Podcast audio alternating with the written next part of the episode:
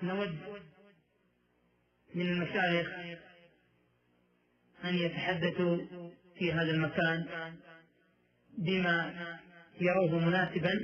نسأل الله سبحانه وتعالى أن يجعل هذا العمل في موازين الحسنات نسأله تبارك وتعالى أن يوفقنا جميعا وإياكم للعمل الصالح. هذا وصلى الله وسلم على سيدنا محمد وعلى آله وصحبه أجمعين. الحمد لله رب العالمين. وصلى الله وسلم وبارك على عبده ورسوله محمد وعلى آله وصحبه أجمعين. وبعد حقيقة ما جئت لأتكلم وإنما جئت لأشارك في هذه الدعوة الطيبة التي يحضرها أخونا وحبيبنا فضيلة الشيخ أثابه الله وجزاه الله خيرا. وتحضرها هذه الوجوه الطيبة التي لو أنني رحلت لأرى أحدهم وأجلس معه وأزوره في الله لكان ذلك مما ينبغي وأحتسب فيه الأجر عند الله تبارك وتعالى. فكيف إذا وفق الله تبارك وتعالى بفضله وجوده؟ واجتمعت هذه الوجوه الطيبة في ليلة واحدة وفي مكان واحد فهي بلا ريب نعمة عظمى من الله تبارك وتعالى. ولما كان الشيخ حفظه الله وحفظكم جميعا تدعو له بالشفاء والعافية والأجر بإذنه تعالى. يعتذر لأنه هذه شيء من التأثر. فاضطررت أن أتكلم نيابة عنه على أن يتكلم إن شاء الله بعد أن يستجمع نشاطه ويمن الله تعالى عليه بالعفو والعافية وعلينا جميعا. وليس لدي من جديد ودائما أقول أو كثيرا ما أقول للإخوة الكرام إنه لا يشترط الجديد. ولو كان الجديد شرطا في اللقاء لما اجتمعنا إلا بعد إعداد وتنسيق وتدبير ولكن القاعدة بين الإخوة وبين الأحبة وبين طلبة العلم ولا سيما عندما نكون كهذا المجلس بعيدا عن العامة ونحن وحدنا ونحن نعيش هموما ونعيش آلاما ونعيش أمورا يجب أن نلحظها بعين البصيرة وبعين النقد أحيانا وبعين المراجعة. فيجب أن تكون القاعدة في هذه اللقاءات هي التذكير وليس من شرط أن تكون التجديد التذكير بالأمور التي قد نغفل عنها جميعا أو ننساها في زحمة العمل. وأهمها وأعظمها تقوى الله تبارك وتعالى. فإن الله عز وجل أوصى بها الأولين والآخرين كما في كتابه المبين ولقد وصينا الذين أوتوا الكتاب من قبلكم وإياكم أن اتقوا الله. أن نتقي الله تبارك وتعالى في كل ما نأتي وفي كل ما نذر في حركات أبداننا وفي خلجات قلوبنا وفي كلمات أو ألفاظ ألسنتنا. أن يكون الله تبارك وتعالى وهو كذلك عز وجل مطلعا ورقيبا علينا فلنستشعر نحن هذه الرقابة دائما. أن الله عز وجل رقيب وأن نعامله ما استطعنا بدرجة الإحسان كما قال صلى الله عليه وسلم أن تعبد الله كأنك تراه فإن لم تكن تراه فإنه يراك. ومن أولى بهذه الدرجة من طالب العلم الداعية إلى الله أن يعبد الله بهذه المرتبة أن تعبده كأنك تراه. فنحن آمنا به عز وجل بالغيب إيمانا منا بالغيب فيجب أن نستشعر هذه الحالة. وبقدر يقيننا وإيماننا ورسوخ الغيب الإيمان بالغيب في قلوبنا نجد أننا نسمو ونرتفع في آفاق آفاق إيمانية عظيمة تعجز عن الحديث عنها أو عن وصفها الألفاظ والعبارات والألسنة. ولكنها منافذ يبلغها الله تبارك وتعالى من شاء من عباده ويرفعهم إليها درجات. فأولى الناس بأن يرتقوا في هذه المنازل ويرتفعوا لهذه الدرجات العلى هم طلبة العلم. ونعوذ بالله أن يكون أحدنا كالشمعة التي تحترق لتضيء لغيره أن يستفيد الناس من موعظنا وكلامنا في ندواتنا ومحاضراتنا وأن نكون نحن آخر من يستفيد منها. إنما الواجب علينا أن نجعل تقوى الله تبارك وتعالى نبراسا لنا في حياتنا وفي كل أمورنا جميعا. نحفظ قلوبنا وجوارحنا. إن السمع والبصر والفؤاد كل أولئك كان عنه مسؤولا. فلا بد أن أن نلحظ ذلك. ما يلفظ من قول إلا لديه رقيب عتيد. قال بالعلم أولى الناس بهذا. أولى الناس بأن يكون إذا نطق فنطقه ذكر وإذا صمت فصمته عبرة وإذا نظر فنظره فكر. لا تخلو حال المؤمن من هذا وقد عبر بعض السلف رضوان الله تعالى عليهم فقال في معنى الإخلاص قال أن تكون حركاته وسكناته لله تعالى لا يمازجه شيء ولا يخالطه شيء. وهذه هي الدرجة التي تجعل الإنسان وليا لله تبارك وتعالى. وما يزال عبدي يتقرب إلي بالنوافل حتى أحبه. فإذا إذا جعل الإنسان هذه الرقابة وهذه الحفاظة على أعضائه وعلى مشاعره وصارت خلجاته وحركاته وسكناته لله استحق هذه المرتبة. إذا كان كذلك كما قال تبارك وتعالى في الحديث القدسي كنت سمعه الذي يسمع به وبصره الذي يبصر به ويده التي يبطش بها ورجله التي يمشي عليها ولئن سألني لأعطينه ولئن استعاذني لأعيذنه لما حفظ هذه الأمور جميعا وزكاها وما دساها ينال نال ذلك بإذن الله تبارك وتعالى. فتقوى الله مع الإخلاص لله عز وجل في القول وفي العمل وهو من التقوى والتقوى منه هذا أول وأوجب ما ينبغي أن نذكر ونوصي إخواننا وأنفسنا به دائما وأبدا. ثم أمر آخر وهو أيضا من باب التذكير فقط واجب الأخوة الأخوة والمحبة. وهذه المحبة لا نعني بها ما قد يوجد عند بعض الشباب إن هذا يسر برؤية اخيه ويفرح به ويحب أن يجالسه وأن يسهر معه وأن يذهب معه. مجرد هذا لا يكفي ولا نعني ذلك وإن كان هذا فيه خير إن شاء الله. إنما نعني المحبة الإيمانية بلوازمها وموجباتها الشرعية ومن لوازم ذلك وموجباته التناصح.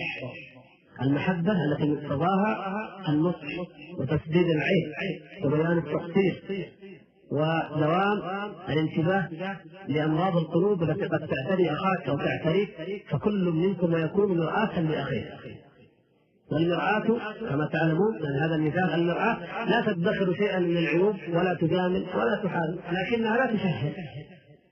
هذه هي الميزة. فالإنسان يجب أن يكون بالنسبة لأخيه مرآة له يريه ويبصره بما يرى على سبيل التناصح فالنصيحة واجبة بيننا. أما إن كانت علاقاتنا محبة هكذا عاطفية أو أخوية تتجرد عن التناصح وعن تسديد الأخطاء وعن بيان الواجب في الدعوة إلى الله فإن مع الزمن تتضخم لدينا الأخطاء ولا نستفيد من هذه العلاقة إلا راحة نفسية يجدها الإنسان عندما يرى إخوانه. ولا شك أن هذه الراحة مطلوبة وأنها دليل الإيمان إن شاء الله لكنها لا تكفي وحدها. وأنا أعذر هذا الارتياح الذي نجده عندما يقابل بعضنا بعضا إلى شدة وطأة الغربة. والألم الذي نعيشه. فالإنسان عندما دائما يسمع عن أهل الشر والفساد والمنكر والبدع والضلالات فإذا رأى أخا له في الله فرح وأنس به وتحادث معه وهذا ما عبر عنه الشاعر ولا بد من شكوى إلى ذي مروءة يوافيك أو يسليك أو يتنبه حتى قال بعض السلف ذهبت لذات الدنيا أو بلوت لذات الدنيا جميعا فذهبت كلها. يعني لذة النساء تذهب بعد الشباب ولذة المال أيضا. للعاقل ليست شيئا. ما هي قال وبقي من لذات الدنيا محادثة الإخوان أو مناجاة الإخوان. هذه سبحان الله من لذات الدنيا. التي تبقى مهما كبر الإنسان في السن مهما تقدم في العمر ومهما افتقد من الدنيا. إذا وجد أخ واخا له في الله يحبه وجلس معه استمتع ووجد راحة لا يجدها في أي من اللذات الأخرى التي تضمحل وتذهب. أقول هذا نعم يرجع إلى إلى وطأة الغربة أحيانا ولكن ذلك لا يعني أننا نستسلم ونسترخي بعواطفنا وإنما نحن محبتنا حتى لله وحتى لرسوله صلى الله عليه وسلم هي محبة إيمانية وليست مجرد علاقة أو محبة عاطفية إنما محبة إيمانية لها مقتضيات ولها لوازم تستتبع منا اعمالا وامورا لا بد أن نحققها في واقعنا وفي أنفسنا هذا شيء يعني أرجو أن لا يغيب عن أذهان الإخوة الدعاء وكلكم دعاء إن شاء الله تبارك وتعالى. هذه العلاقة ضرورية في مثل هذا الخضم الذي نعيشه نحن الآن وترون آثار التفكك وضعف الاخوه والعلاقة بين الشباب. عليكم السلام ورحمه حتى سال بعض السلف بعض من طلابه أو من تلاميذه قال لهم هل بلغ من حب أحدكم أو من محبة أحدكم لأخيه أن يدخل يده في كمه وياخذ منه ما شاء ويدع ما شاء؟ قالوا لا. قال فما المحبة عندكم اذا يعني شوف كيف السلف الصالح رضي الله تعالى عنهم واروع لذلك بهذا مؤاخاة النبي صلى الله عليه وسلم بين المهاجرين والأنصار. وكيف تلاحمت هذه الأمة فأصبحت رحمة واحدة. مع اختلاف القبيلة واختلاف الوطن واختلاف الحال ولكن جمعهم الإيمان وجمعتهم العقيدة وجمعهم محبة رسول الله صلى الله عليه وسلم جمعتهم الهجرة إلى الله ورسوله ونصرة دين الله عز وجل. فلما كان الهدف من الجميع والغاية وجه الله عز وجل اجتمعوا على ذلك فكانت هذه الأخوة العميقة. بحيث أنك أحيانا إن لم تكن تعرف القبائل أو أو ما ما تعرف حال هذا الصحابي من قبل إذا قرأت اسمه لا تدري اهو من المهاجرين ام من الأنصار. إذا مجرد أن قرأت خبر أنه ذهب فلان وجاء فلان تحتاج أن تعرف هل هو كان مهاجريا ام انصاريا. ذابت كل الفوارق انتهت. انتهت تماما. أصبحوا أمة واحدة. هذه المحبة التي لا بد منها.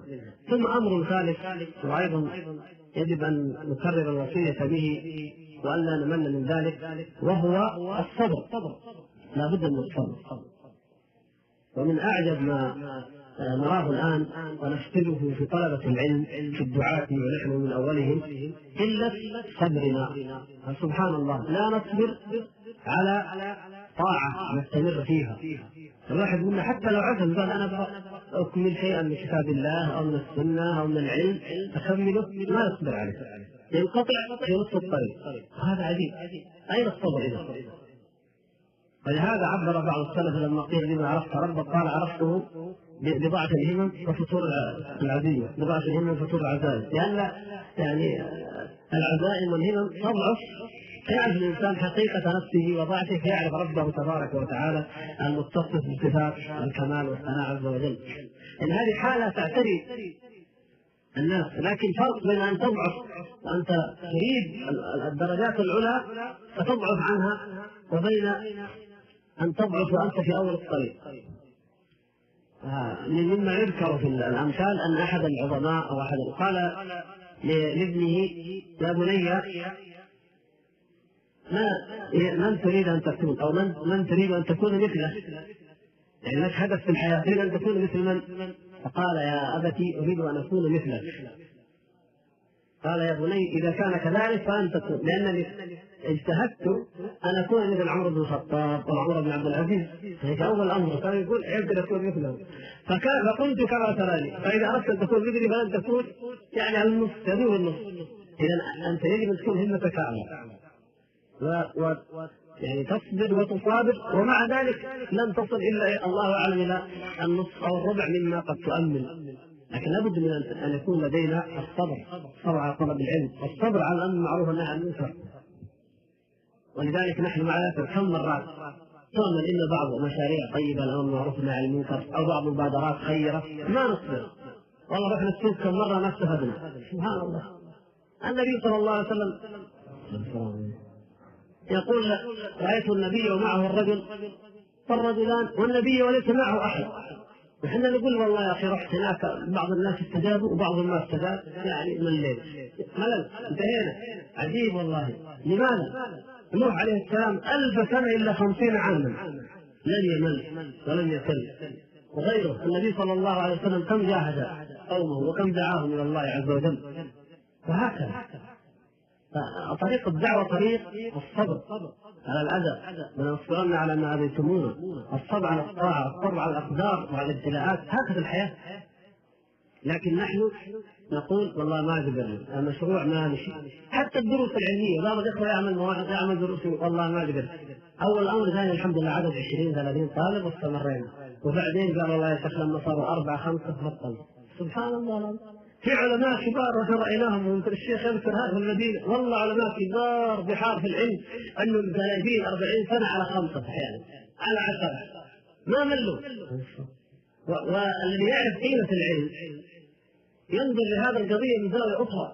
ينظر لهذه القضية من زاوية إيش؟ انني أنا انفق أنا أتصدق. العلم هذا إن لم أخرجه إن لم انفقه ضاع أصلا علي أنا. فلا أنظر إلى كثرة من حضر أو استفاد. لكن انظر إلى أني أنا يجب ان ان أعلم. ولهذا لو جرب الواحد منا لو مثلا قلت اليوم أنا إن شاء الله بعد صلاه الفجر قرأت ما تيسر من كتاب الله وقرات شيئا من السنة ثم قمت بعد صلاة العصر فوعظت بهذا الكلام في المسجد. سبحان الله كيف يثبت هذا الكلام؟ لكن جرب الأيام اللي ما تقوم ما توعظ. انسى كله أو بعضه. يعني مما يثبت العلم ومما يحفظه هذه من نعم الله تعالى أن العلم هو الشيء الذي كلما انفقت منه زاد. أي شيء في هذه الدنيا لو كان البحر على كبره تأخذ منه ينقص طبيعي إلا العلم. كل ما تنفق منه يزداد. هذه ميزة عظيمة للعلم ولأهل العلم. فنحن نقول والله يا شيخ قل العدد بطلنا هذا الحي أو المدينة فيها 30 درس بها 10 أو ثلاثة أو أربعة. أيضا عندنا صبر حتى على التعلم يجينا الشيخ وما أكثر هذا ومع الاسف أقول هذا وما دمنا وحدنا ما عندنا يعني بعض الأخوان نطلب وراهم يعني ترجى شهور أو سنين حتى يوافق يجي يفتح درس. لا فتح الدرس ما اصبر على مثلا منهجه. بعض الأخوان يقول يعني يختار كتاب ما عجبه طيب لازم يختار الكتاب يعجبه افرض ما يعجبك لكن يعجب غيرك. طريقته مثلا يطول أو يبطل أو كذا أو كذا ما عجبها بطلنا. سبحان الله. يعني كأننا نقول نريد كما نشاء نحن أريد مدرس يدرسني زي ما أبغى. وهذا أول شرط يختل من شروط طالب العلم. طالب العلم عليه الوقت بين نفسه أن يتعلم كما يريد الشيخ.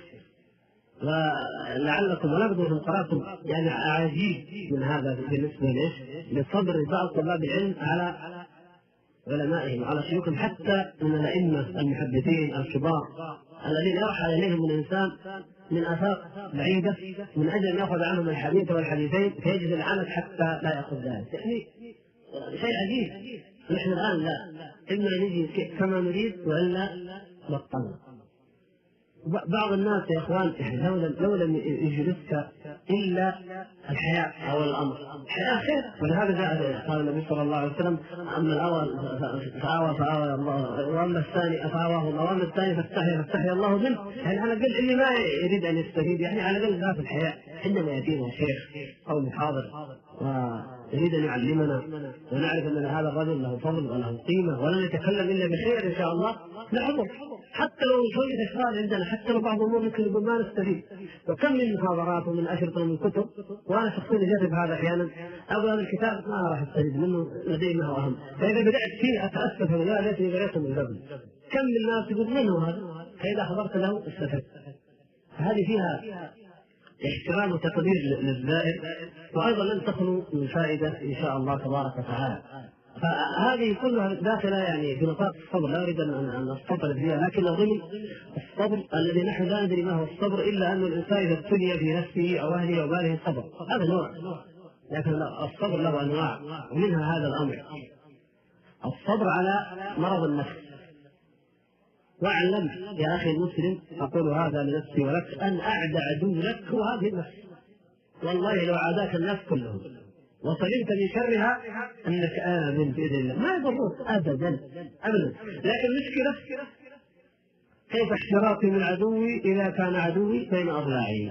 هل مثل العدو الداخلي هذا النفس بالهوى والشهوة وحب الاخلاد إلى الدنيا والتكاسل عن طاعة الله سبحانه وتعالى والميل إلى ما يريحها وإن كان متعبا لك فيما بعد.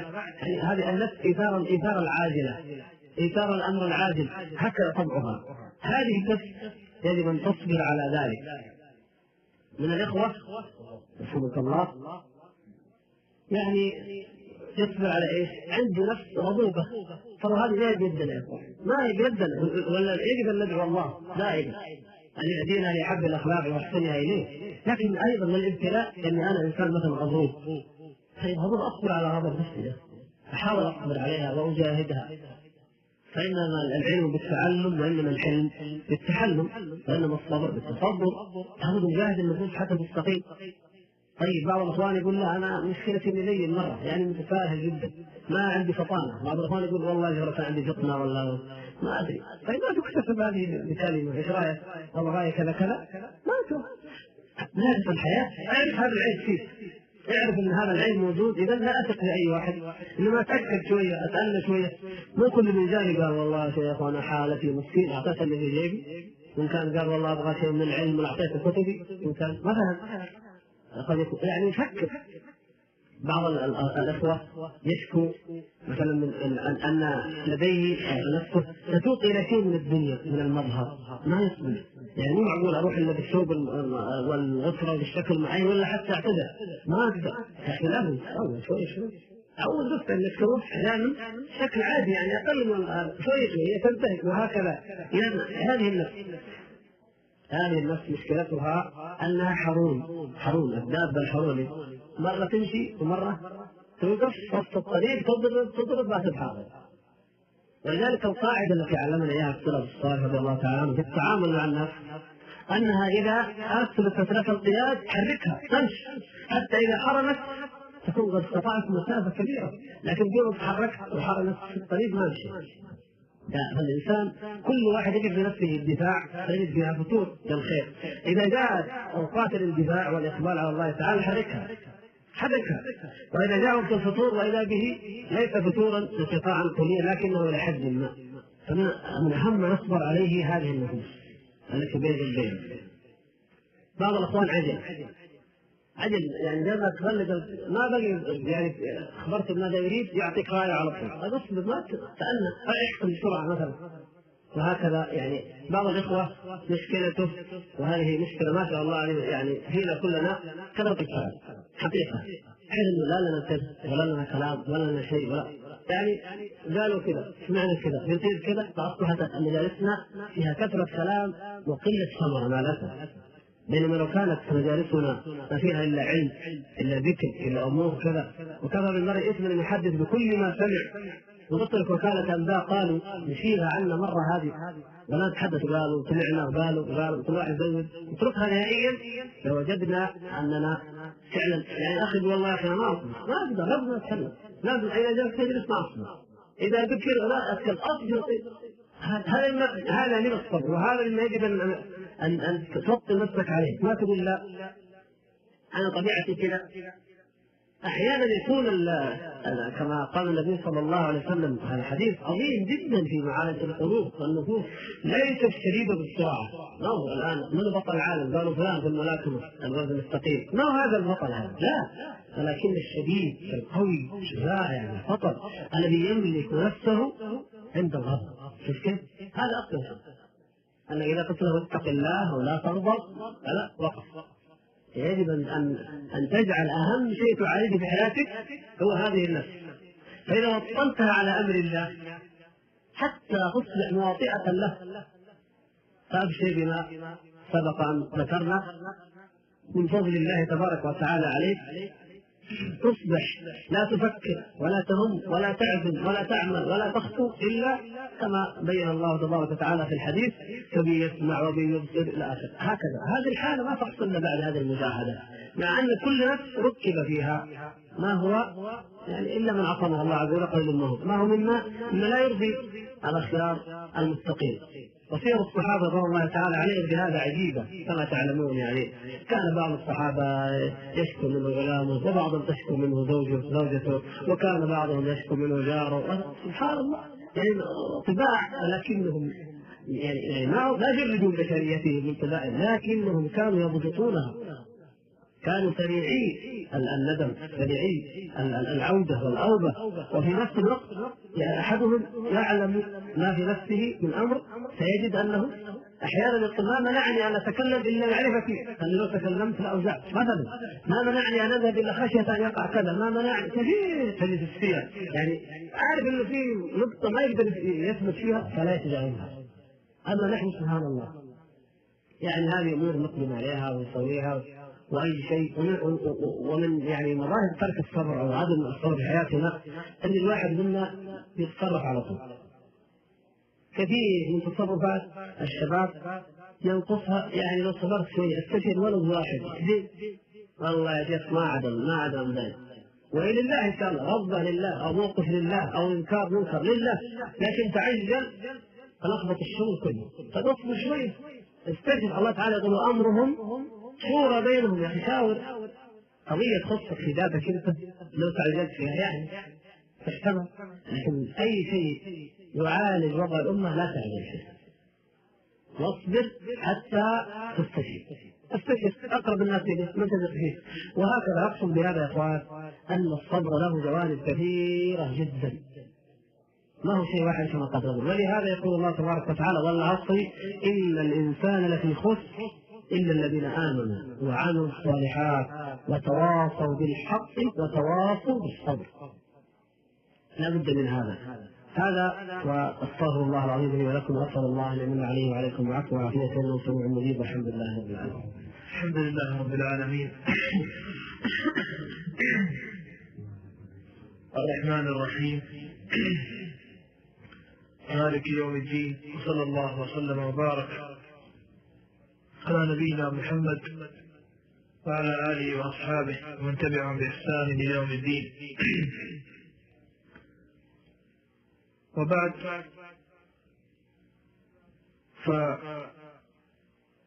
فكما سمعنا من شيخنا وحبيبنا وكلكم أحبة لنا الشيخ نصر حفظه الله حفظ سائر علمائنا ودعاتنا. فقد أشار إلى أمر فعلا لو أن مجالسنا كانت في الكلام فيه وفي إصلاح هذه العيوب التي من شأنها أن تخل من نفوسنا وقدرها عند الله سبحانه وتعالى وقبل ذلك أقول أيها الأحبة إن المتأمل فيما يجري من آلام لهذه الأمة وينظر إلى ما أخبر عنه النبي صلى الله عليه وسلم من المبشرات ينظر إلى هذا الوضع القائم ثم ينظر إلى ما أخبر به النبي عليه الصلاة والسلام. من كون هذه الأمة سوف تنتصر. ومن كون راية هذا الدين سوف تعلو. فإنه يقف أمام هذه النصوص ويستشعر عدة أمور. الأمر الأول عدم اليأس.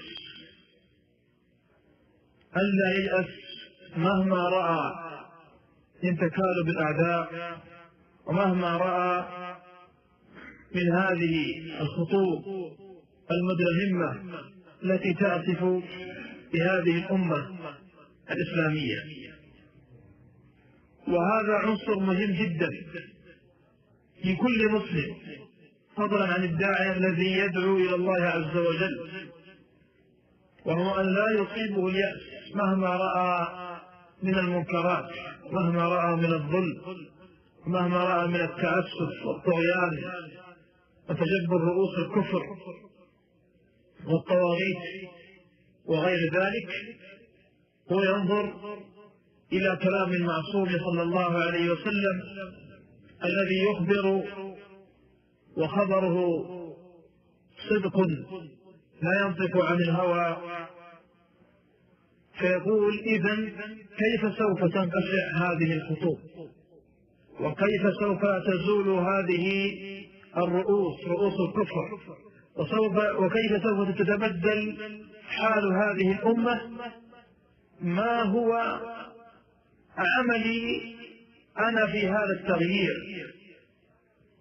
والله سبحانه وتعالى له سنن لا تتغير ولا يحابي أحد ولا يجامل أحد وليس بيننا وبينه نسب. إن الله لا يغير ما بقوم حتى يغيروا ما بأنفسهم. فما هو الدور الذي كنت به أنا وكنت به أنت؟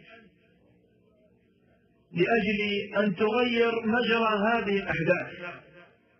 فلا تحتكر نفسك ولا تظن أنه لا دور لك فيما يحصل لهذه الأمة في هذه الأيام. كلنا بدون تفريق بين شرق هذه الأمة وغربها وشمالها وجنوبها أسهمنا في هذا الواقع الذي نراه اليوم والذي تتألم منه قلوبنا وتدمع له أعيننا في النهار قبل الليل. وأصبح الإنسان أينما ولى وجهه وإذا به يرى ما يجعل قلبه يعتصر من الألم ويرفع يديه إلى الله سبحانه وتعالى أن يكشف ما حل بهذه الأمة من الخطوط من الذل هذا الذي لا أعتقد أن الأمة مرت بذل أقسى ولا أمر منه في هذا العصر. فإذا حينما تنظر إلى هذا الواقع وتنظر إلى هذه النصوص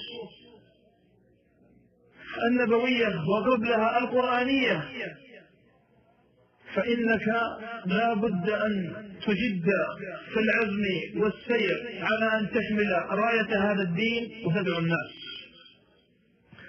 تدعو نفسك أولا.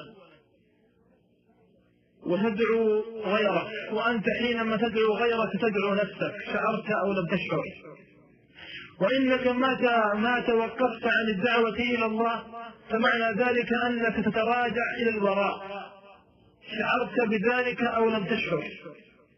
يجب أن تكون لبنة في ذلك السد المنيع الذي سوف يواجه كل هذه التيارات. إن لم تكن أنت من الجيل الذي أخبر عنه النبي صلى الله عليه وسلم أنه سوف يقاتل اليهود فقد تكون أنت أبا لابن يحمل السلاح يقاتل به هؤلاء اليهود. ولكن على ما ربيت ابنك. هل ربيته على أن يوالي الله ورسوله والمؤمنين وأن يعادي من يعاديهم الله ورسوله من الكفار وأهل البدع والمعاصي كل بحسب حاله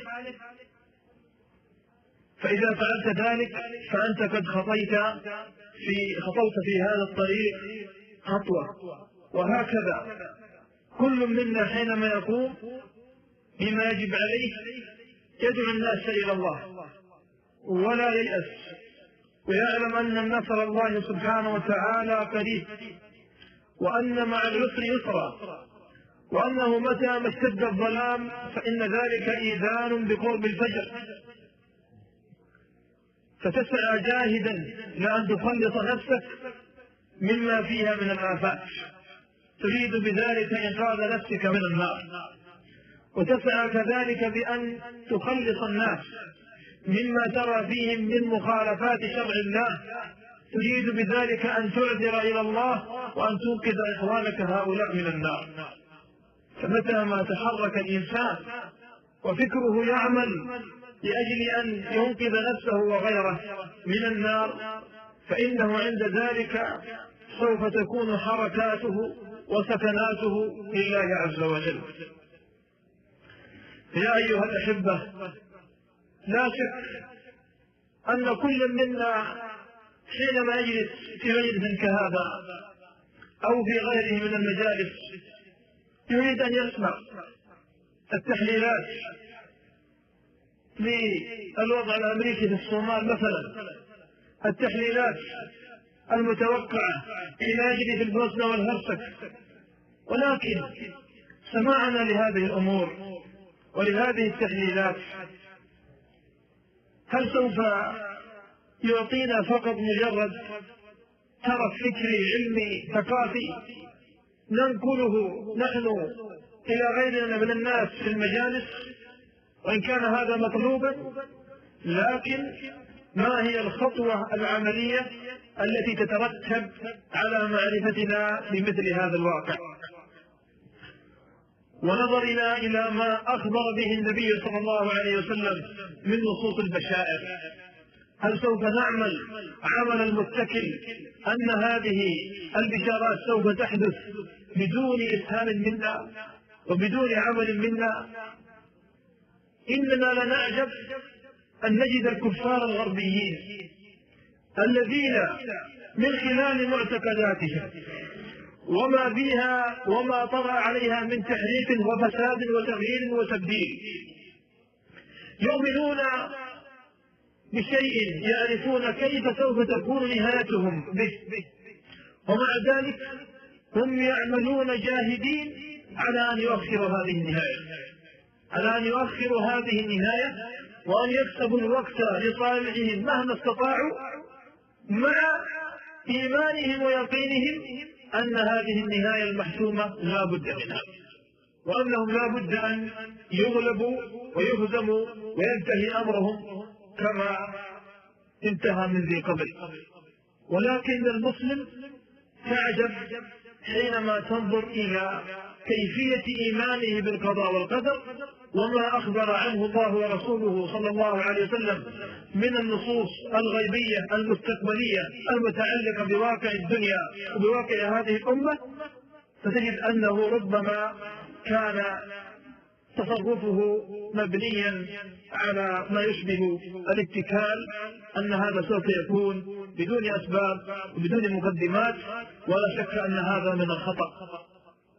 لا شك أن هذا من الخطأ. فإن الله سبحانه وتعالى كما قلت ويقول غيري جعل لهذا الكون سننا. إن الله لا يغير ما بقوم حتى يغيروا ما بأنفسهم. هذه الآية فيها وعد ووعيد. كما يقول أهل العلم بالتسخير الله عز وجل لا يغير ما بك من هداية ونور إيمان استقامة وطاعة إلى ضدها إلا إذا كان منك الأمر. فلما زاغوا أزاغ الله قلوبهم وبالعكس وبالضد لا يتحول حالك من انحراف وضلال وبدعة وفجور إلى ضدها إلا إذا سعيت نحو هذه الهداية. والذين اهتدوا زادهم هدى وآتاهم تقواهم. فإذا إخواني في الله لا شك أن هذا الكلام وإن كنا نكثر منه في هذه الأيام ونسأل الله سبحانه وتعالى أن يصلح به القائل والسامع. هو مطلوب ولكننا أصبحنا نرى أن الكفار أصبح عملهم هو الذي يكشف مخططاتهم. وأما نحن فإن مخططاتنا تظهر وتسبق أعمالنا لفترة طويلة. الأمر الذي يتفطن له أعداؤنا ومن يتربص بنا شرا فيحبط كل ما نريد أن نعمل. يعني لو فرض أن الإنسان يريد أن يقوم على سبيل المثال أن أن يلقي موعظة في مسجد ما. وقد يقول أنا أريد أن ألقي موعظة في مسجد ما والموعظة موضوعها كذا وكذا. ويعلم الناس. وقد يحدث شيء بسبب ظهور هذا الأمر وهذا الخبر يعيقه عن أن يلقي هذه الموعظة في هذا المسجد. يصبح هذا يا شيخ؟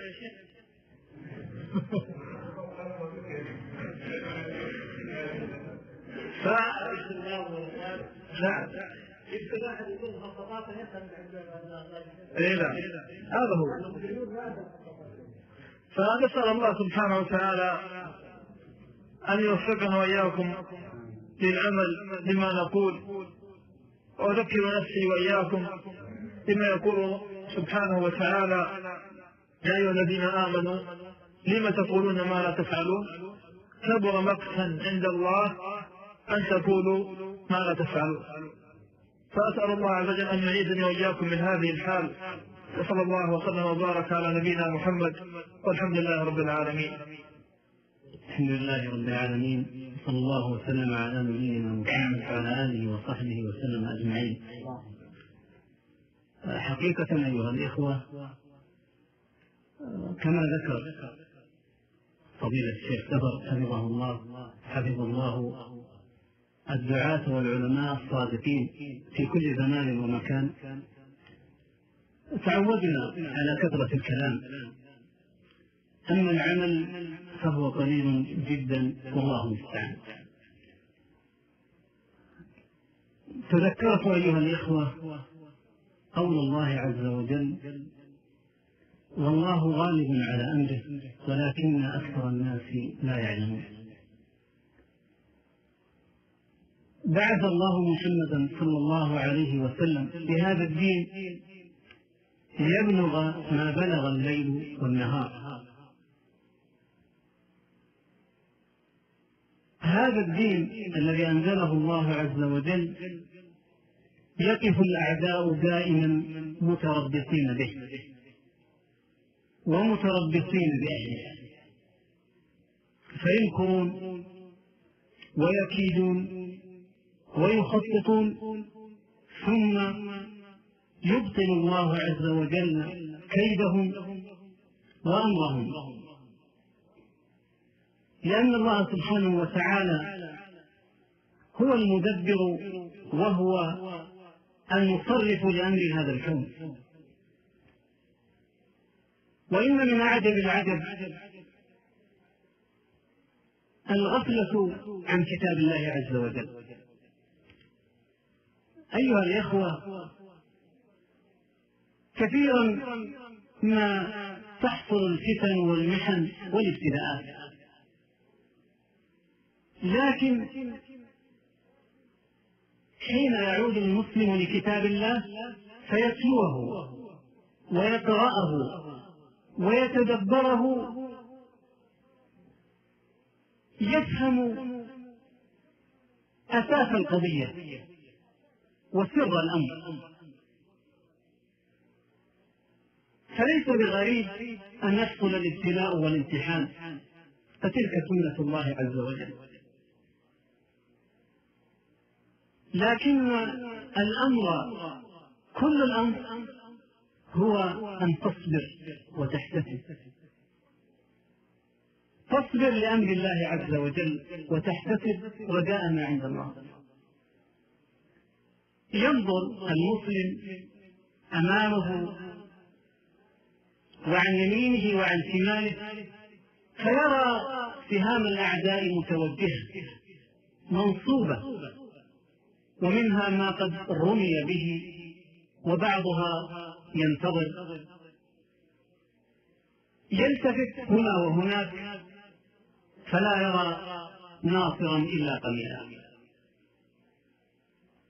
لكنها سنة الله عز وجل. ومن هنا كان لا بد دائما أن نعود لكتاب الله عز وجل. انظروا إلى هذه الآية التي ذكرها الله عز وجل في معرض حديثه عن قصة يوسف عليه السلام. هذه القصة ليست غريبة علينا أيها الإخوة لكن فيها عبرة وعظة وغيرها من القصص القرآنية كثير أجمع إخوة يوسف عليهم السلام جميعا كما تعلمون. على أن يبعدوا يوسف عليه السلام عن أبيه بشدة ما رأوا من حب والده له. ووضعوا الخطط وكانت حقيقة خططا مدروسة ومبيتة والله المستعان. لكن الذي نفذ هو أمر الله عز وجل. فيذكر الله سبحانه وتعالى في معرض هذه القصة هذا المعنى العظيم. هذه القاعدة الربانية القرآنية التي ما كان ينبغي لتغيب عن حس المسلم وعن شعوره. والله غالب على أمره ولكن أكثر الناس لا يعلمون. يظن الناس أن يوسف عليه السلام قد هلك وأن ما خططه إخوته عليهم السلام أنه قد حصل. لكن الله عز وجل أراد أمرا آخر. وإنما يتحقق ما يريده الله. لا ما يريد الله. أجمع إخوة يوسف عليهم السلام جميعا كما تعلمون على أن يبعدوا يوسف عليه السلام عن أبيه لشدة ما رأوا من حب والده له. ووضعوا الخطط وكانت حقيقة خططا مدروسة ومبيتة والله المستعان. لكن الذي نفذ هو أمر الله عز وجل. فيذكر الله سبحانه وتعالى في معرض هذه القصة هذا المعنى العظيم. هذه القاعدة الربانية القرآنية التي ما كان ينبغي لتغيب عن حس المسلم وعن شعوره. والله غالب على أمره. ولكن أكثر الناس لا يعلمون. يظن الناس أن يوسف عليه السلام قد هلك وأن ما خططه إخوته عليهم السلام أنه قد حصل. لكن الله عز وجل أراد أمرا آخر. وإنما يتحقق ما يريده الله لا ما يريد البشر. قد تبتلى قد تمتحن لكن المهم كل المهم أن تثبت على دين الله عز وجل. إن المرزى من يرزى دينه لا من يرزى ناقة وفصالا لو ذهبت الدنيا كلها. المهم أن يأتيك الأجل وأنت على دين الله عز وجل. أن يأتيك الموت وأنت ثابت على دين الله سبحانه وتعالى. إذا فلماذا اليأس أيها الإخوة؟ لماذا اليأس؟ والله عز وجل قد وعد أن من حفظ دينه فسيحفظه الله عز وجل. فالمطلوب من منا أيها الإخوة أن نستشعر هذه المعاني العظيمة. هذه المعاني التي تجعل المؤمن يتصل بالله عز وجل ويعتصم بربه سبحانه وتعالى. فيكون واثقا بالله متوكلا على الله يعلم حقيقة العلم أن النفع والضر بيد الله عز وجل. أقول هذه المعاني أيها الإخوة ونحن ننظر هذا المكر هذا الكيد هذا العداء هذه المنظمات المخططة التي إنما تخطط وتنظم للكيد من الإسلام وأهله في كل مكان حتى كادت الغربة أن تستحكم ولا إخالها إلا وقد استحكمت. فالشأن كل الشأن أن نثبت على دين الله عز وجل أن نثبت على الحق فلا نتزعزع وأن نثبت أمام البلاء فلا نهين. فقد أوذي رسول الله صلوات الله وسلامه عليه أجمعين.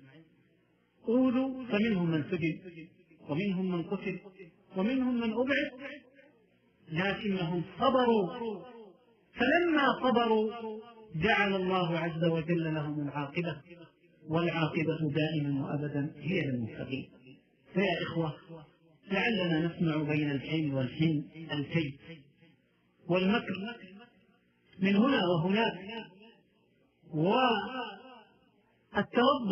بالدعاة والعلماء والصالحين فأين نتجه؟ هل هناك متجه نتجه إليه سوى الله سبحانه وتعالى؟ هل هناك معتصم نعتصم به غير الله جل وعلا؟ ليس هناك أبدا نجاة ولا عصمة إلا بالله سبحانه وتعالى فإياك إياك أيها المسلم يا طالب العلم أيها الداعية أن تستوحش والله عز وجل معك فلهذا كان قتادة رحمه الله دائما يقول من يتق الله يكن الله معه. ومن يكن الله معه فمعه الفئة التي لا تغلب والحارس الذي لا ينام والهادي الذي لا يضل سبحانه وتعالى. فالقضية تتعلق بنا نحن أن نتقي الله عز وجل. وأن نثق بقوة الله وبنصر الله وبحفظ الله عز وجل لنا ولدينه وللعلماء وللدعاة. فمن حفظ الله حفظه الله عز وجل ودائما وأبدا نحن نتذكر قول الله عز وجل ومكروا مكرا ومكرنا مكرا وهم لا يشعرون فانظر كيف كان عاقبة مكرهم أنا دمرناهم وقومهم أجمعين فتلك بيوتهم خاوية بما ظلموا. إن في ذلك لآية لقوم يعلمون. فالمهم كل مهم كما ذكر الإخوة أن نحترس من أنفسنا وأن نحترس من أهوائنا. فإذا كنا مع الله وإذا اتقينا الله عز وجل فسيحفظنا الله وسيحفظ الله دينه. فقد حفظه الله عز وجل يوم أن لم يكن هناك إلا رسول الله صلى الله عليه وسلم ومعه الحلة المؤمنة. وقد بين الله عز وجل عن عن الاثنين ثاني اثنين إذ هما في الغار إذ يقول لصاحبه لا تحزن إن الله معنا إن الله معنا فمن يكن الله معه فلو وقفت الدنيا كلها بأسرها بقواتها بعتادها. فوالله الذي لا إله إلا هو لن تضره شيئا إلا بإذن الله عز وجل. فالوصية أيها الإخوة أن نتقي الله سبحانه وتعالى وأن نحذر من شر أنفسنا وشر الشيطان وأن نتعاون على الحق وأن نوطن أنفسنا على الصبر على كل ما يصيبنا في اتباع محمد صلى الله عليه وسلم واتباع شرعه. واعلموا أن الله عز وجل مع عباده ولن يضيعهم جل وعلا فإنه هو حافظ لعباده ولدينه. أسأل الله سبحانه وتعالى أن يثبتنا وإياكم على الحق وأن يحفظنا وإياكم. هذه بعض المساعد آه، أرغمت الحقيقة على قولها وإن كنت لا أريد كلاما بعد كلام الإخوة ففي كلامهم خير كثيرا. أسأل الله أن ينفعني وإياكم إنه على كل شيء قدير. والله أعلم وهو المستعان. صلى الله وسلم على نبينا محمد وعلى آله وصحبه وسلم أجمعين. بالنيابة يعني ما دام كذلك أقول لعله الله أعلم هذه الحالة. ينبغي أن يفرق الإنسان بين ما يهواه ويتمناه. وبين أن يكون ذلك قاعدة له في عمله. أنت عندما تعمل في طريق الدعوة أو الجهاد القاعدة في ذلك أن لا تستعجل. ولهذا لما جاء الصحابة إلى النبي صلى الله عليه وسلم وهو متوسد في ظل الكعبة قالوا يا رسول الله شكوا إليه كما تعلمون الحديث. ما ما نالهم من أذى قريش وسألوه الدعاء. قال ولكنكم تستعجلون والله ليتمن الله هذا الدين حتى تصير الضعينة وبين عدم والصناء إلى آخر الحديث قال ولكنكم تستعجلون العجلة خلق الإنسان من عجل. هذه ليست القاعدة في الدعوة هي العجلة هي الاستعجال هي قص الثمرة. ولكن أن النفس تهوى ذلك وتتمناه فهذا والله أعلم لا تؤاخذ به. لا تؤاخذ به. فأنت تجاهد. وتقدم على طريق على جهاد العدو وملاقاته. أو تدعو وتقدم في سبيل الدعوة. وأنت تعلم أنك لا تدرك قد لا تدرك ثمرة عملك هذا ولا يعيقك ذلك ولا يؤخرك لكنك تتمنى أن لا يميتك الله حتى ترى ثمرته. هذه أمنية. وللإنسان أن يتمنى الخير وما منعنا الله تعالى وما نهانا أن نتمنى الخير. ولكن لا ينبغي للأماني هذه أن تؤثر على العمل فتصبح هي الهدف وهي الرغبة وهي المقصود الذي نحققه. هذا اللي يبدو لك هذه المسألة والله تعالى أعلم. وأما من أراد الحيطة يعني وأراد أن يقطع هذا الأمر من أساسه فينبغي له أن يكون كما ثبت عن كثير من الصحابة عبد الرحمن بن عوف رضي الله تعالى عنه وسعد بن أبي وقاص وعتبة بن غزوان وغيرهم ممن تمنوا أنهم ماتوا ولقوا الله تعالى مع مصعب بن عمير وأمثاله كما حدث عبد الرحمن بن عوف رضي الله تعالى عنه. يعني اخشوا أن تكون حسناتهم عجلت إليه. وكما قال عتبة بن غزوان قال ومن اليوم إلا من هو أمير على نصر من الانصار فخافوا من هذا شوف فنحن الذي نتعجله نحن هم خافوا منه. مع أنهم في أنفسهم والله أعلم ما ندري لكن في أنفسهم يعني. لا شك أن الإنسان مجبور على أنه يتمنى أن يريه الله نصر نصرة هذا الدين. وكما دعا آه، سعد بن رضي الله تعالى عنه وغيره إنه فعلا يعني حتى يريه الله في بني قريظة. ما اراه والحمد لله. هذه يعني حالات تعرض النفس أقول ما لم تؤثر إن شاء الله على القاعدة تكون هي المنهج تكون هي الغاية فإن هذا لا يؤثر إن شاء الله تعالى.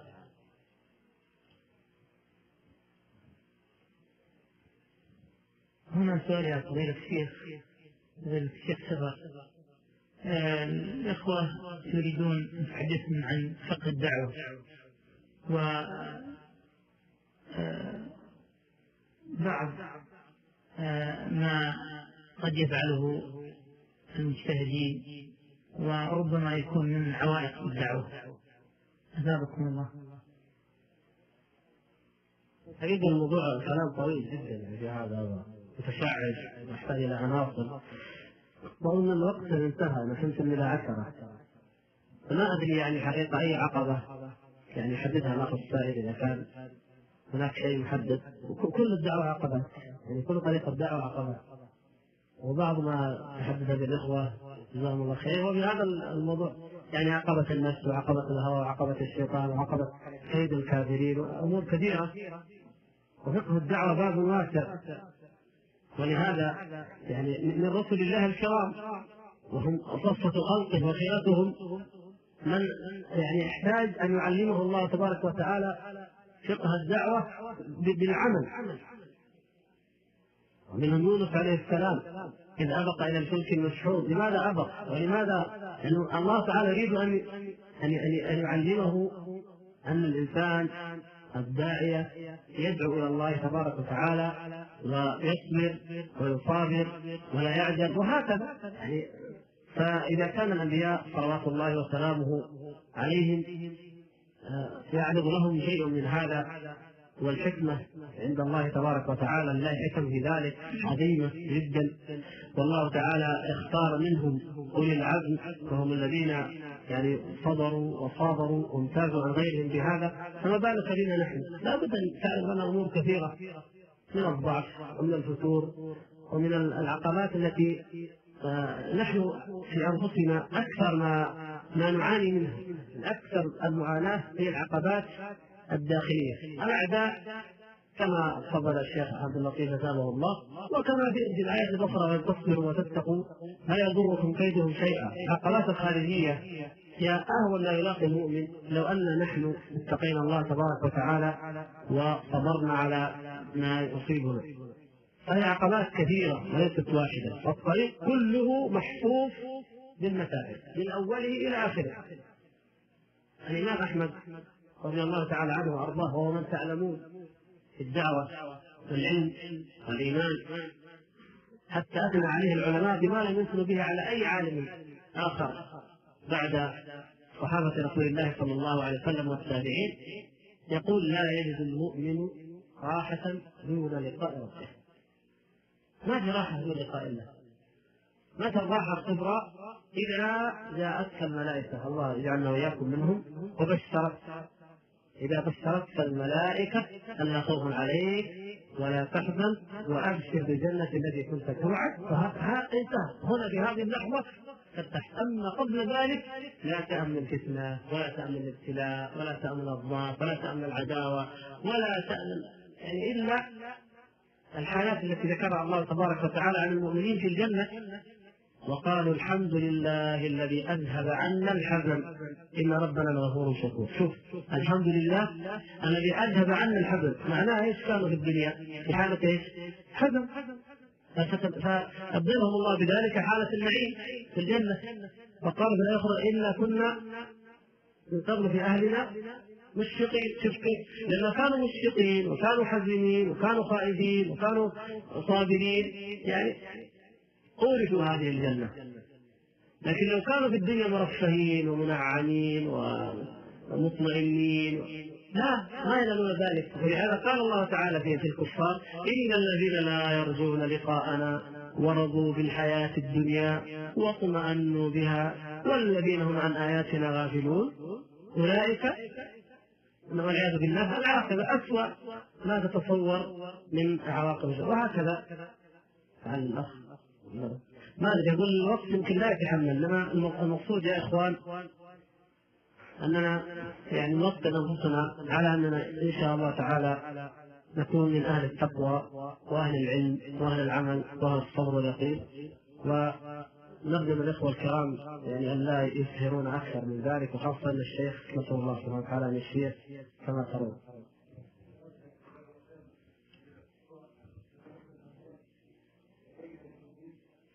نعم لابد من ضوابط أنا قلت لا ما يكفي يعني أذكر مرة أنه يعني كانت محاضرة عن موضوع منهج الأنبياء في الدعوة. وقلنا لو تناولنا فقط آيتين من كتاب الله.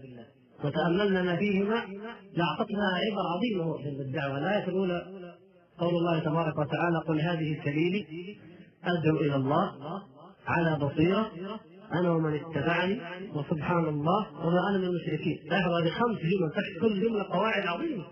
والآية الأخرى قول الله تبارك وتعالى ادع إلى سبيل ربك بالحكمة والموعظة الحسنة وجادلهم بالتي هي أحسن. فهذه أيضا بينت المراتب أو الحالات الثلاثة التي لا يخلو أي موقف من مواقفك في الدعوة منها. إما أنها مع الموافق فيحتاج إلى الحكمة وإما أنها مع الغاشي فيحتاج إلى الموعظة الحسنة وإما أنها مع المخالف فتحتاج إلى المجادلة. يعني نذكر إخوة مثل هذه المحاضرات في فقه الدعوة. الله. فهي تضع ضوابط. يعني أهم ضابط أهم ضابط في آية قل هذه سبيلي إيش؟ أدعو إلى الله. أهم ضابط. أدعو إلى الله. لا ندعو إلى أنفسنا. لا ندعو إلى مشايخ الحزب. لا ندعو إلى انتماءات ننتمي إليها. لا ندعو إلى أي شيء إلا إلى الله. هذا أهم ضابط. وما بعده فهو تبع له.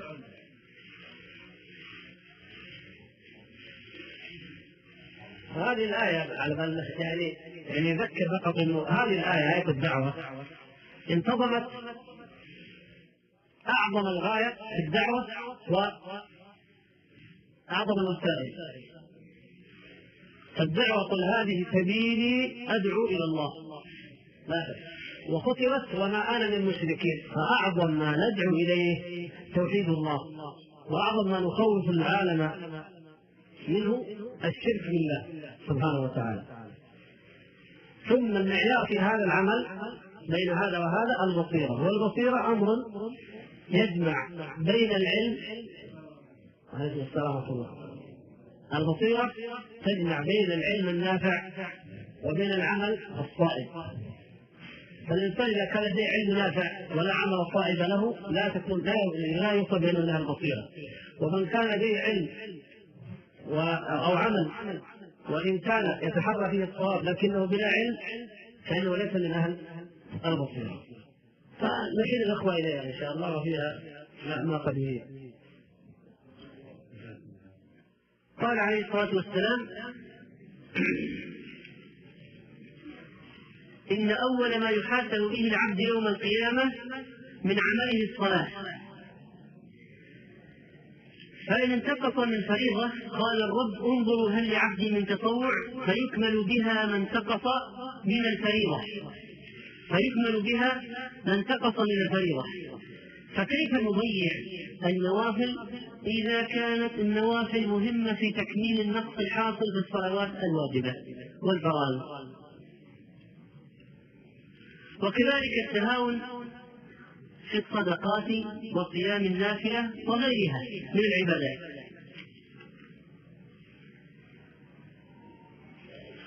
ومن الأشياء أيضا التي تحدث في هذا الجانب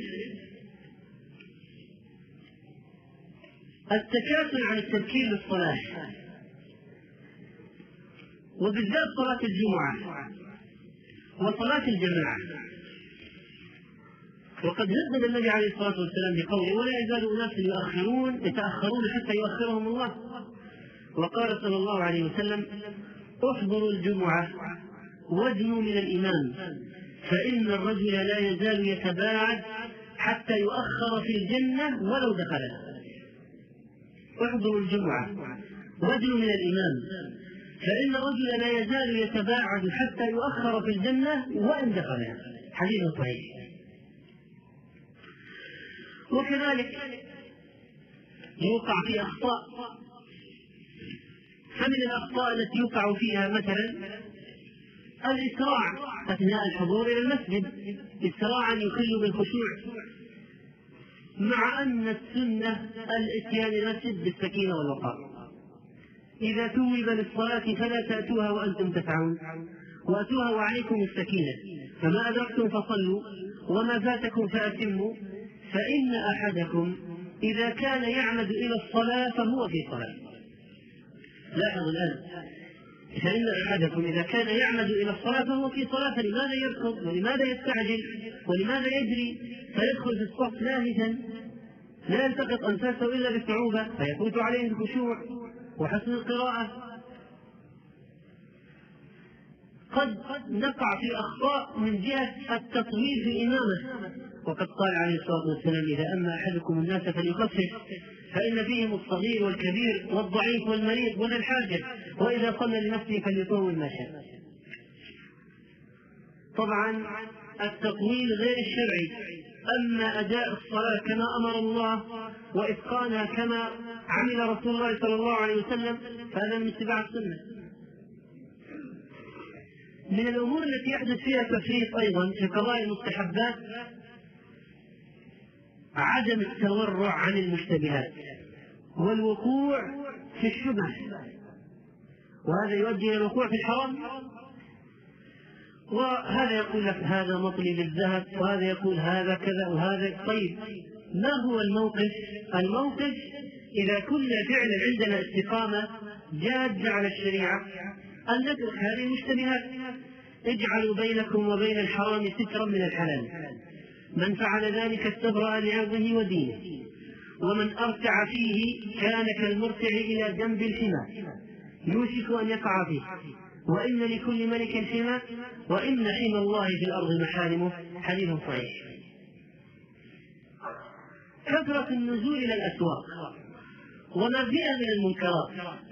وغشيان أماكن الاختلاط بغير حاجة. ما هو؟ نقص. أحب البلاد إلى الله مساجدها وأبغض البلاد إلى الله أسواقها. ومن الناس من همه الطبخ بالأسواق. الطبخ بالأسواق.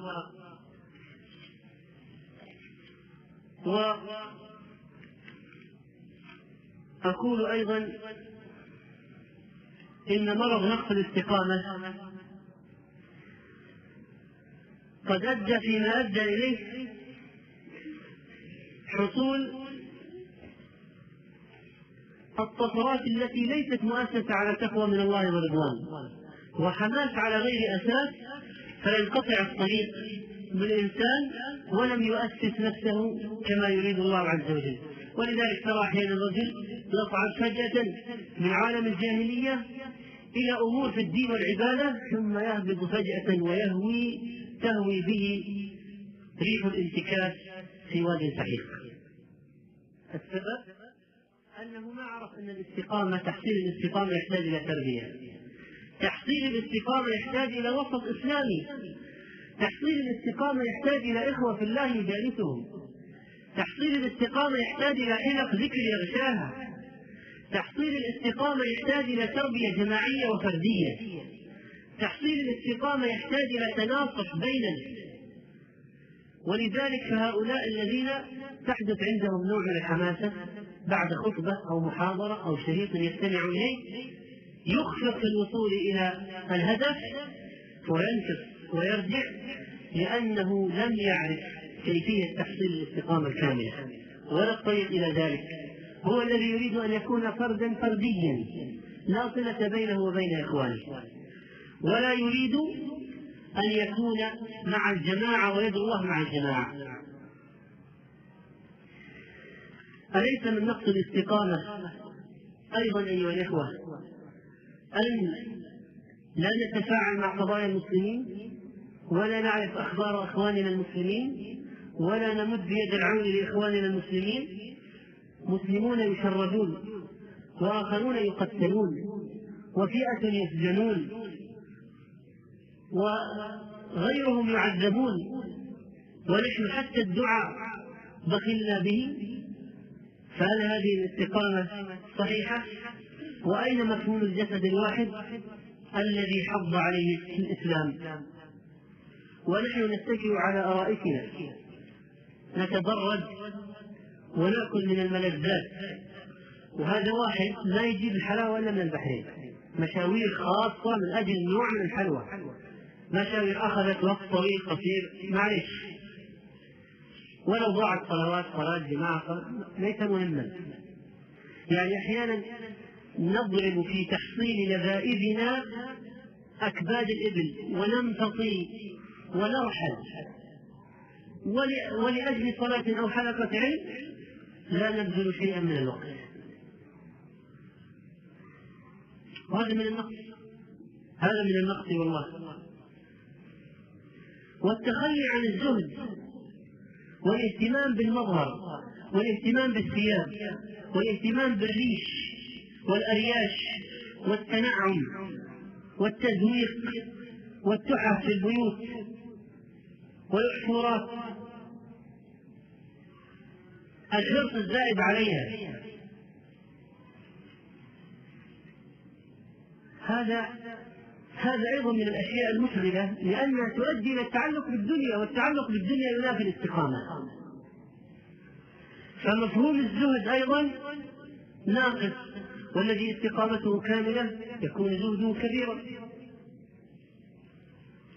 فعندنا اهتمام بالمظاهر إسراف تضيع أموال كماليات هذا يقول أشتري قارب بثلاثين ألف ليه؟ قال تمشي يعني إذا صار تمشي أتمشي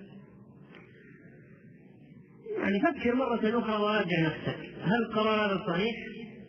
أليس هناك مجالات أحسن وأفضل وأكثر أجرا لتضع فيها هذه الأموال؟ فإذا هناك قضايا أيها الإخوة كثيرة تحصل ولكن محاسبة النفس ضعيفة. ولأجل ذلك فإن فإنه يخترقنا كثير من صيام الشيطان. من نقص الاستقامة أن يوجد عند الإنسان رواتب من الجاهلية لا يسعى لتخليص نفسه منها. ولذلك فهو فانحرافه من أسهل ما يكون. فقد يكون له علاقات محرمة لا يقطعها. وصور موجودة لا يتلفها وأفلام سيئة لا يتخلص منها. وأرقام هواتف لا زال يحتفظ بها. لماذا؟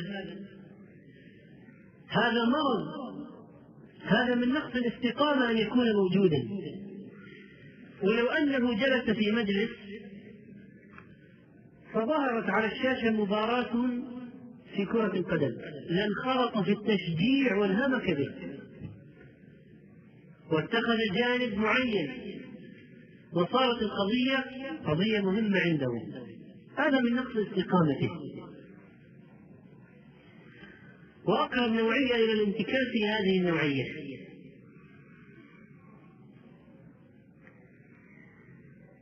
وكذلك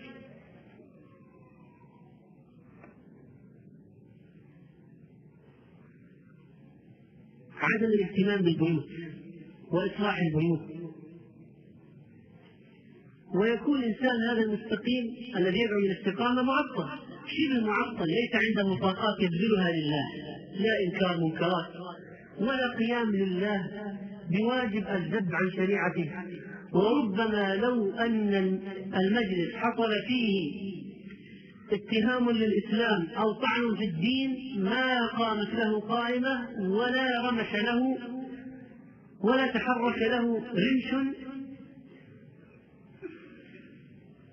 ولا اختلج فيه عرق لأنه لأن عنده من الخذلان والعياذ بالله ما يمنعه عن الدفاع عن بيضة الدين وحفظ هذه الشريعة.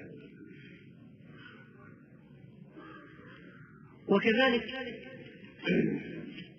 فإن من أنواع التفريق الحاصل والأمور الناتجة عن مرض نقص الاستقامة ما نؤكد عليه أيضا ونعيد الكلام فيه ونقول أن تمر بالمنكر فلا تنكره. لماذا؟ أتخشى الناس؟ فالله أحق أن تخشاه. فلا تخافوهم وخافوني إن كنتم مؤمنين. أين إنكار المنكر؟ ولو بالكلام. ما تستطيع باليد بالكلام. وماذا يضرك لو تكلمت ثم إننا مطالبون بالنصيحة والكلام والصبر على الأذى. مطالبون. يا بني أقم الصلاة وأمر بالمعروف وانهى عن المنكر واصبر على ما أصابك. إن ذلك من عزم الأمور. إلقاء التبعات على العلماء والخطباء. والقول إنهم المسؤولون عن تصحيح الانحرافات. أنا مسلم عادي ما عندي شيء مقصوص الأجنحة. لا أستطيع أن أفعل شيئا. من قال ذلك؟ أنت يمكن أن ترى منكرات لا يراها أولئك العلماء والخطباء. وأن تكون في بيئات لا يأتي إليها العلماء والخطباء. وأن تجد في أوساط ومجالس لا يغشاها أولئك القوم. عليك المسؤولية واتبع أنت المسؤول. فلماذا التخاذل عن إنكار المنكر؟ لماذا الاستسلام للدعة والخشية من أن يرد عليك أو يقال فيك كلمة؟ أين النصيحة؟ الدين النصيحة لله ولكتابه ولرسوله. النصيحة لله أن تذب عن دينه وشريعته أن تقوم له سبحانه. النصيحة لرسوله صلى الله عليه وسلم النصيحة لكتاب الله أين النصيحة لكتاب الله؟ وفي المجلس تتكلمون عن الإسلام وأنت ساكت.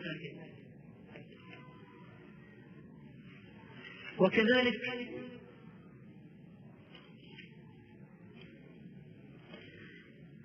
نحن نعاني أيضا من ضياع الأوقات في الأسفار التي لا طائل من ورائها. وحركات الاصطياد التي يعملها كثير من الناس لا مصلحة شرعية فيها بل فيها كثير من المضرة وإنفاق الأموال الكبيرة. ويحصل فيها من قسوة القلب ورؤية المنكر ما يجعل الإنسان مختل الإيمان. ينزل إيمانه إلى الحضيض. يرجع من الإجازة لم يزدد إيمانا وإنما نقص إيمانه ونقص دينه وفرط في أشياء كثيرة. ينبغي أن يكون تكون استقامتنا على الدين استقامة صحيحة كاملة واعية. أن نمسك بهذا الدين فعلا. لا نترك إلقاء السلام على الناس بحجة أنهم غير متمسكين. إذا كان عندهم نوع من الفسق بل أفشوا السلام وأطعموا الطعام. وابتسامتك في وجه أخيك صدقة.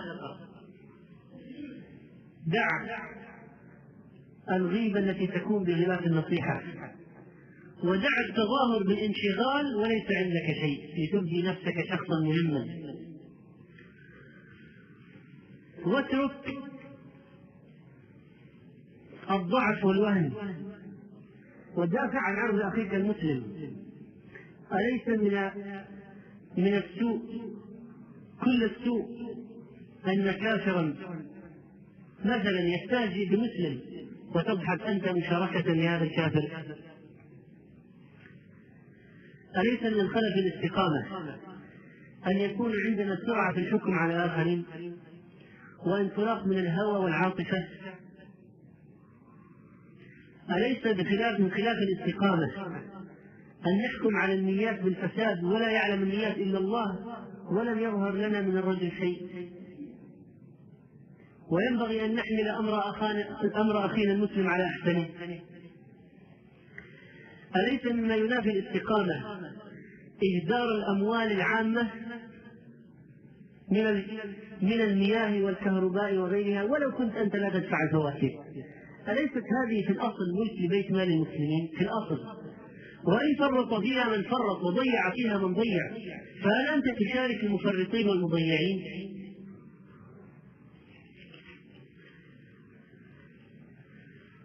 أليس مما ينافي الاستقامة؟ أن نتشدد مع من تحتنا من الناس بشيء لا تأمر به الشريعة. بحجة الحزم في العمل وننفر الناس من أهل الدين. مع أن المسألة لا تساوي كل هذا الأمر من الحملة والعقاب. أليس مما ينافي الاستقامة أن يتأخر الإنسان عن عمله ويخرج قبل الوقت؟ ويتكلم مع بقية زملائه والمراجعين يقفون في الطوابير فيترك العمل ويعطل العالم.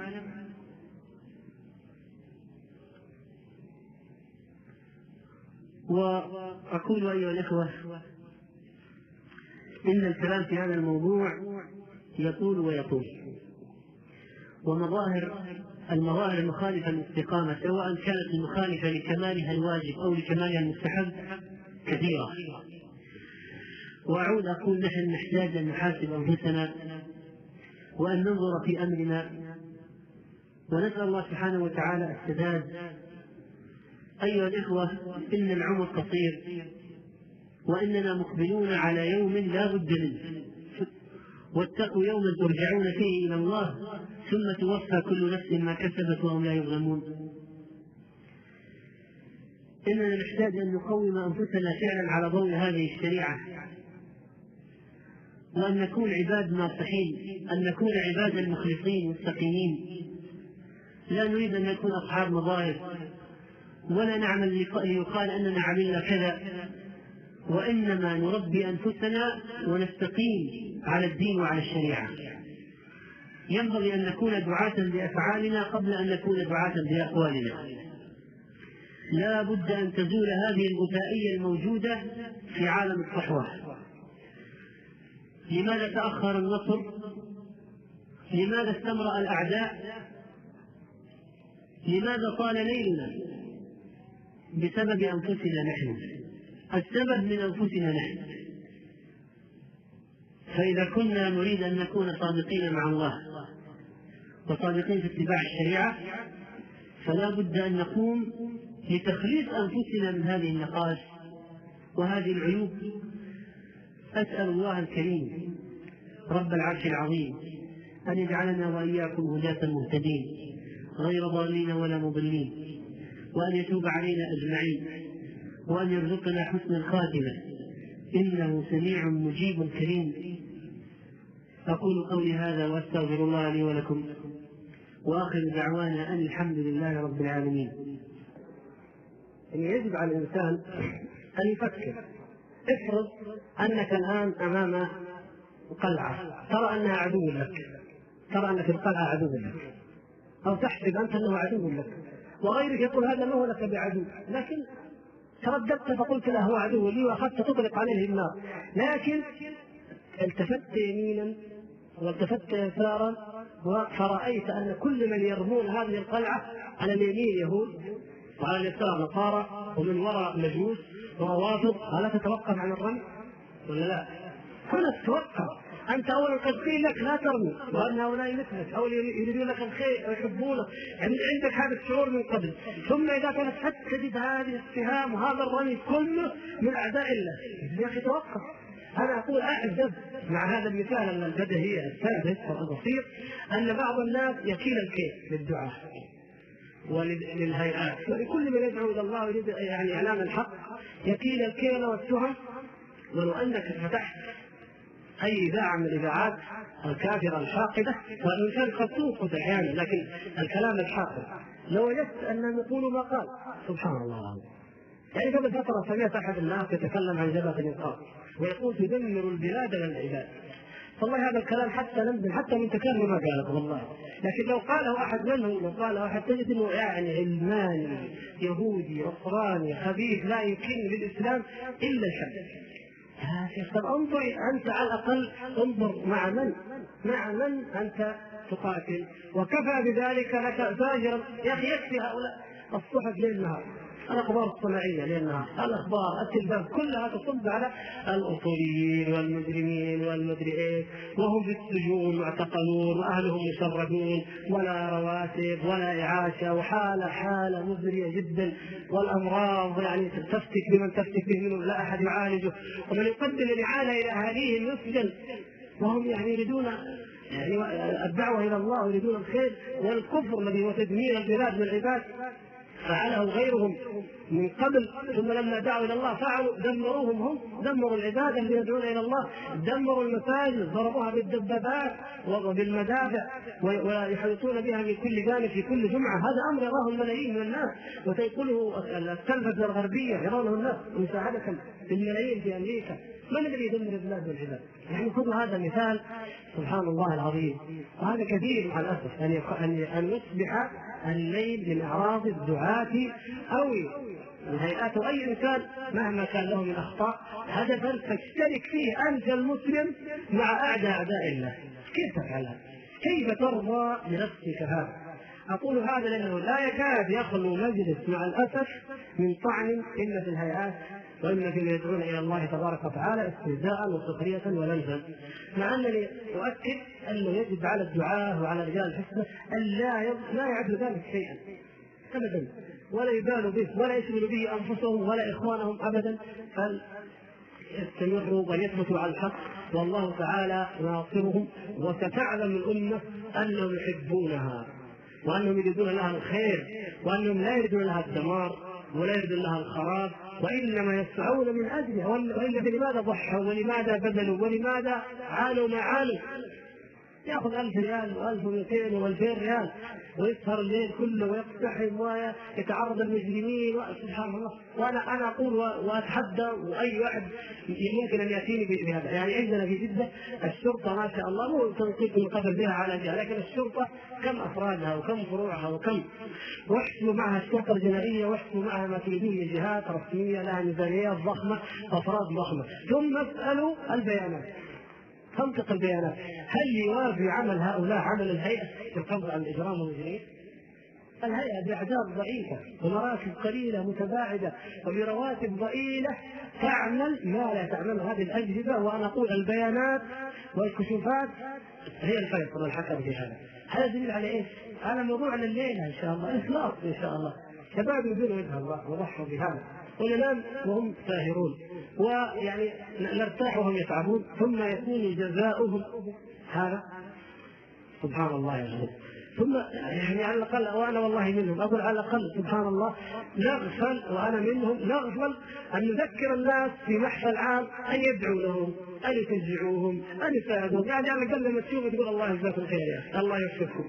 مريت تشتري حاجة لا في السوق شفت رجل الهيئه الله يوفقكم الله يعينكم هذا يقول الله يجزاكم خير وهذا يقول الله يعطيكم العافية وهذا يبتسم هذا يسلم أقل شيء يا أخي أما كل واحد يعمل فيه واللي طالع واللي يقول هذا المطاوع ليه؟ عشان التلفاز والصحافة وهذا العنصريه والتطرف وما إيش هم هذول؟